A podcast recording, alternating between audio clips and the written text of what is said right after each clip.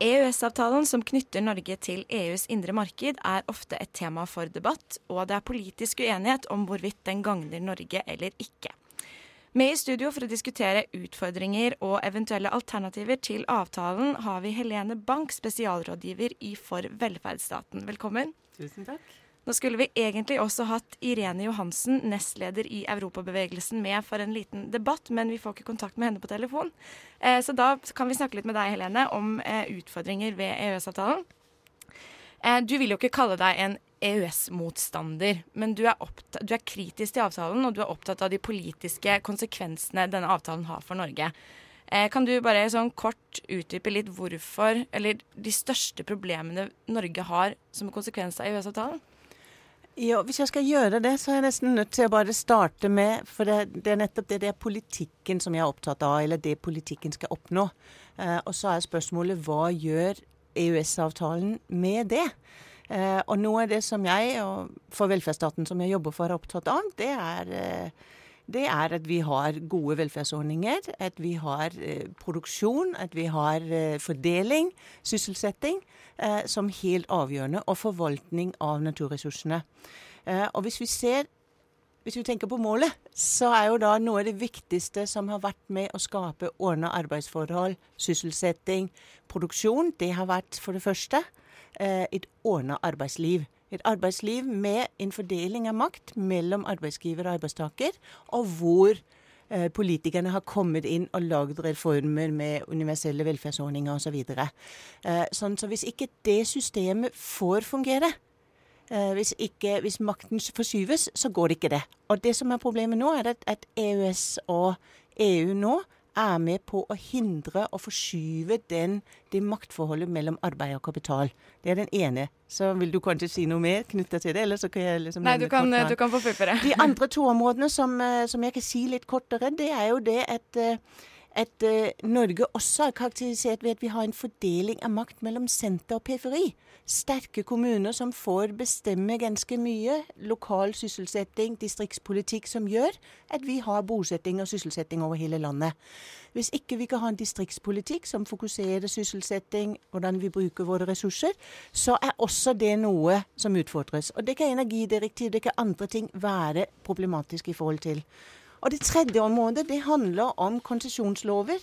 Eh, altså måten vi kan bruke ressurser på. I EØS-avtalen har vi tatt ut eh, landbruk og fiskeriene og sokkelen. Eh, men samtidig så er det masse politikk som likevel styres. Eh, og andre konsesjoner vi har knyttet til om det er trygghet, sikkerhet, helikopterservice eh, og, trygghet knyttet til det.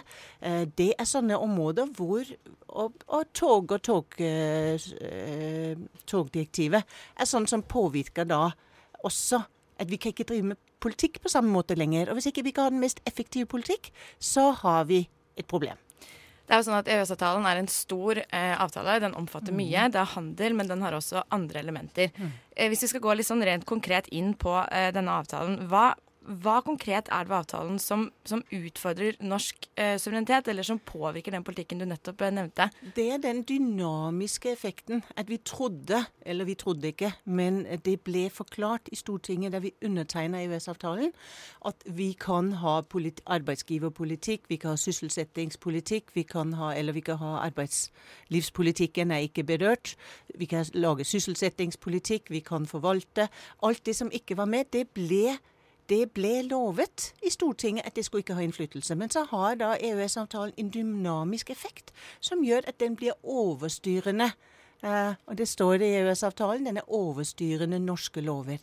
Og det betyr at vi da, når vi lager lover, så etter hvert så tilpasser vi oss, eller undertilpasser vi, overtilpasser vi oss på en måte som gjør at vi, at vi ikke at vi ikke kan føre de mest effektive lovene, men at det blir en markedsretting som blir styrt av det. En ja. handelsdel av det kan være helt greit, så lenge handel er handel med varer. Men når det begynner å implisere hvordan vi skal drive vårt arbeidsmarked, vår sysselsetting, vår distriktspolitikk, så blir det veldig problematisk. Er det da rent konkret eh, EØS-avtalen består jo av fri flyt av de fire friheter, som mm. da henholdsvis er arbeidskraft, kapital, tjenester og eh, og nå mistet jeg den siste, varer, ja. Eh, er det da rent konkret den frie flyten av arbeidskraft du f.eks. har et eh, problem med? Ja, altså Du kan gjerne ha en fri flyt av arbeidskraft. Det, det kan være helt greit at folk kommer fra andre land, men at man skal ha standardene, et, et arbeidsmiljøstandardene, et, et, lønn, av hviletidsordninger, av uh, altså sånne ting. Hvis de skal bestemmes i lavkostland, så er det med på å skape et ras til bunn. Og da får vi en situasjon, som du ser i Nederland, som du ser i Frankrike, at uansett hvem folk velger som politikere, så kan ikke de levere det som er viktigst. Og så øker forskjellene, og så øker håpløsheten, og så får du en sånn type fløypolitikk og fløymobilisering som vi ser i dag. Um, EØS-avtalen var jo ment som en, midlertidig avtale som ble inngått da Norge fortsatt trodde at vi skulle bli EU-medlemmer. Um, så det er nok mange, også de som er pro EØS, som er enig i for seg at EØS-avtalen ikke er eh, perfekt. Spørsmålet blir jo da hvordan de rent praktiske eh, muligheter, eller hvordan rent praktiske muligheter Norge har for å framforhandle en annen avtale nå.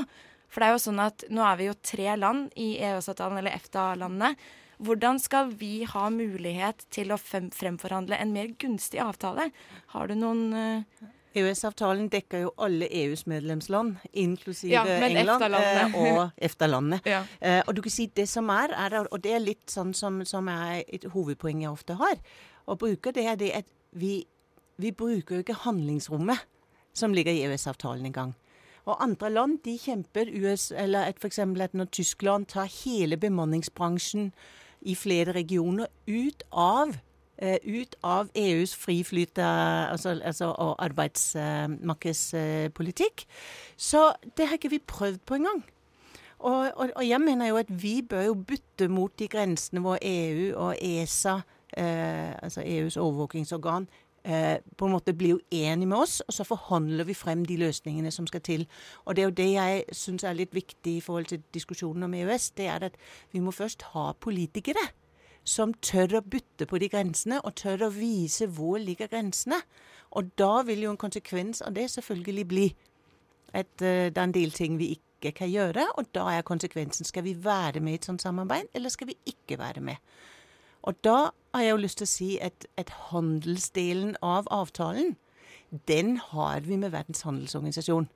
Det er Verdens handelsorganisasjon vi bruker hvis EU har urettmessige eh, tollbarrierer mot norsk sjømat, f.eks. Det er, det er WTO-avtalen som også gir tilsvarende si, avtaler med, og tilsvarende betingelser med andre land. Så den har vi i, i grunnlag, og det har jo også England vis-à-vis EU. Eh, sånn så akkurat WTO-avtalen, den, eh, den, er på handelsdelen, så er det greit. Det andre er politikk, der hvor politikk skal overstyre Eller hvor, hvor markedet skal overstyre politikk og demokrati. Og det er der EØS-avtalen og EU-avtalen er så grådig sterk, eh, og hvor, hvor vi har et problem. Da kan vi kanskje bare ta et skritt tilbake og prøve å belyse hva slags påvirkningsmuligheter Norge egentlig har, og hvordan det er vi påvirkes av denne avtalen. Fordi når du snakker om eh, handlingsrom, at vi ikke bruker handlingsrommet vårt godt nok, det er jo på da øverste politiske nivå. Mm. Så er det jo sånn at når vi får lovgivning fra EØS, så har vi en eh, vi har en eh, vetorett, men den har aldri blitt brukt. Eh, er det da sånn at vi har, har vi ingen andre muligheter for å påvirke de direktivene som vi får fra EU? Nei, det har vi. Altså, vi sier vi kan være med og sitte i, arbeids, uh, i arbeidsutvalg i EU og påvirke gjennom faglig innflytelse, ikke gjennom stemmerett. Men likevel så er dynamikken i EU, hele prosjektet EU, handler om at alt blir sett på som marked. Og de fire frihetene blir sett i den sammenhengen. Så prøver man å rette litt opp der hvor det går galt. Men du har et system som blir mer og mer marked. Og det er, det er, det som da er en utfordring. fordi vi, vi, vi, bør, rett og slett kjempe frem at noen områder er politikk. Når vi ikke har fiskeriene, og når vi ikke har landbruket inne, så handler det om at vi har en annen forvaltning av naturressurser. Som handler om naturforvaltning, som handler om beredskap eh, matsikkerhet. Eh, og det er, det er, litt viktig at vi har det. Det samme må vi ha knytta til datalagring, knytta til finans. Så det å gå inn på Finanstilsynet f.eks., det å gå inn på datalagringsdirektivet, det, det undergraver helt sentrale deler i det vi forventer oss av de politikere vi velger inn til Stortinget. Og det er, vi, det er der vi må bytte mot. Og da er det jeg sier at vi har, vi har masse ting som EU vil ha. Vi trenger ikke stå med lua i hånda. Vi kan si dette går vi ikke inn på. Og da har vi det samme. Vi har fisken som EU vil ha. Vi har olje, og vi har naturgass, og vi har vannkraft. Altså vi har mye som EU vil ha. Vi har, vi har markeder, rike markeder. Selv om det er lite, så er det veldig sånn top level av, av en del av det som, som er i EU. Så vi har mye å forhandle med. Men det virker som at ingen politikere tør å liksom stå der og si at Nei, for det fører meg litt til det neste spørsmålet jeg har. Nå er det jo litt sånn at EU-spørsmålet i Norge er jo fortsatt veldig betent. Og det er jo et ganske stort flert, nei, ja, flertall i Norge mot et norsk EU-medlemskap. Men så virker det jo litt som at de fleste politikerne har akseptert at EØS-avtalen det er der vi står, og det er der vi kommer til å bli.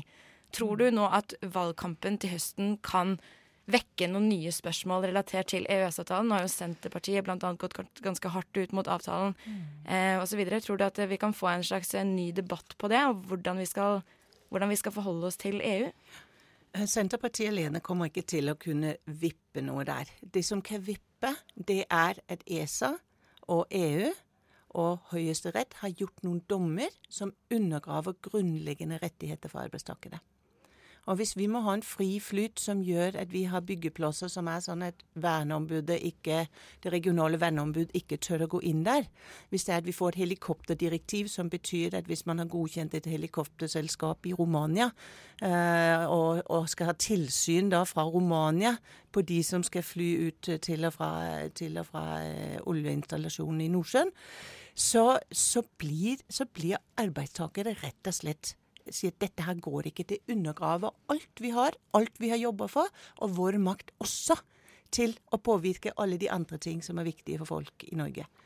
Bare sånn helt avslutningsvis, nå løper eh, tiden eh, fra oss. Eh, hvis du skulle kort beskrevet den optimale norske modellen i forhold til EU, hvordan ville den sett ut på sånn to år?